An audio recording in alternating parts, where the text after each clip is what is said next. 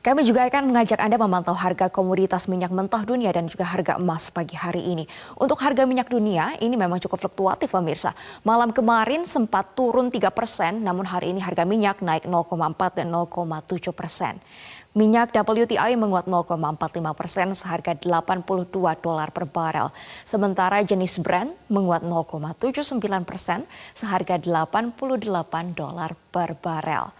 Investor terus memantau kondisi perang Israel-Hamas yang bisa mempengaruhi produksi dan distribusi minyak dari Timur Tengah. Sekaligus mempersiapkan pengumuman kebijakan The Fed pekan ini yang bisa mempengaruhi permintaan terhadap minyak mentah dunia. Kami juga memantau pergerakan harga emas yang hari ini bergerak turun karena masih juga menunggu keputusan dari Bank Sentral Amerika Serikat. Namun kalau kita lihat tren harga emas satu bulan ini sudah naik sampai 8 persen karena dianggap sebagai aset yang aman di tengah ketegangan geopolitik Timur Tengah dan kebijakan The Fed yang masih agresif. Harga emas COMEX Gold melemah 0,04 persen seharga 2004 dolar per troy ounce.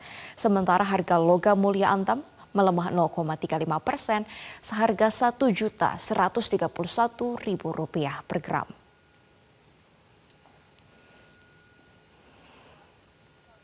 Jelajahi cara baru mendapatkan informasi. Download Metro TV Extend sekarang.